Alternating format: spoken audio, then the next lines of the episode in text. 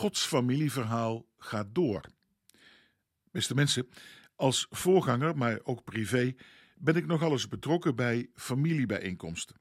Momenten, soms van vreugde, bijvoorbeeld bij een huwelijksjubileum, of bij het verdriet bij het afscheid van een geliefde. Als er dan op langere periode teruggekeken wordt, al of niet met een daarbij behorende familiefoto, zie je dat familiesamenstellingen nogal eens veranderen in de tijd, maar ook in aantal, maar ook in soms nieuwe verhoudingen.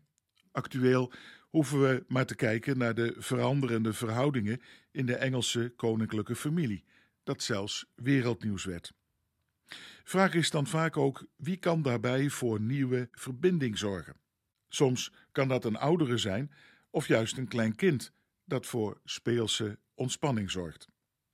Soms ontbreekt ook juist die verbinder en wordt gezocht naar nieuwe verhoudingen. Dat soort familiaire samenkomsten laten ook vaak zien dat ons sociale leven niet altijd statisch is, maar juist telkens aan verandering onderhevig. Dat geldt overigens ook voor andere plaatsen waar mensen zich tot elkaar verhouden, zoals bijvoorbeeld in de kerk of in verenigingen of bedrijven. Als mensen zijn we geneigd het liefst in vaste, vertrouwde patronen te denken. Met het liefst zo min mogelijk verandering. Daar voelen we ons vaak het beste bij. Ik geef u twee speelse voorbeelden, ook van de afgelopen tijd. Voor de kerstvakantie kochten we in ons gezin een tafelvoetbalspel. Om met de kleinkinderen, maar ook zeker met de volwassenen te spelen. Na behoorlijk wat gepuzzel en sleutelwerk hadden we dat spel in elkaar gezet.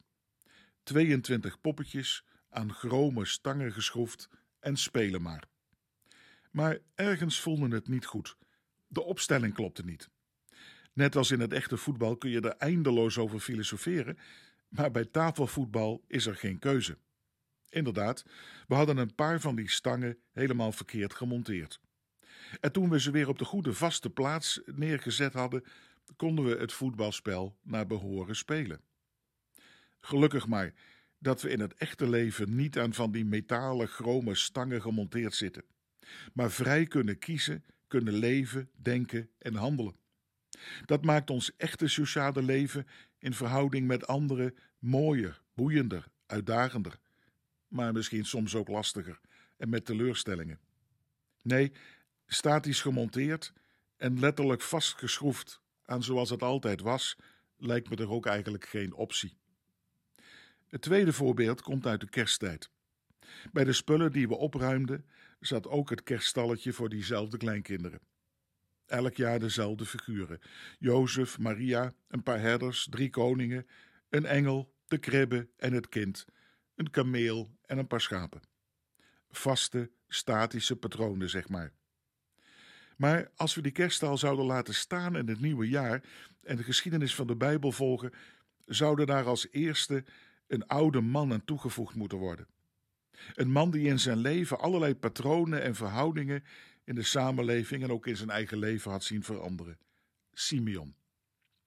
Maar bij alles wat er veranderd was in zijn leven, had hij één ding niet losgelaten, namelijk de hoop en de verwachting op de Messias, op diegene die de vertroosting zou brengen voor hem, het volk en de wereld, die de verbinding tussen God en mensen en mensen onderling weer zou herstellen.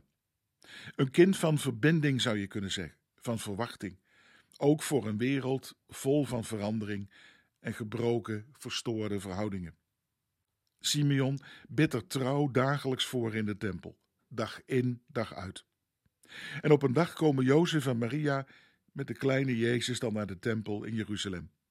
En de oude Simeon neemt het kind op de armen en looft God. Hij zet als oude man de lofzang van de engelen en van de herders door de wereld in. Rembrandt schildert op het einde van zijn leven juist dit tafereel van een oude man met het kind van de toekomst op zijn armen. De schilder focust dan helemaal op die kleine Jezus in de armen van de oude Simeon, die we dan horen zeggen: Laat me nu in vrede gaan. Prachtige woorden van ontspanning.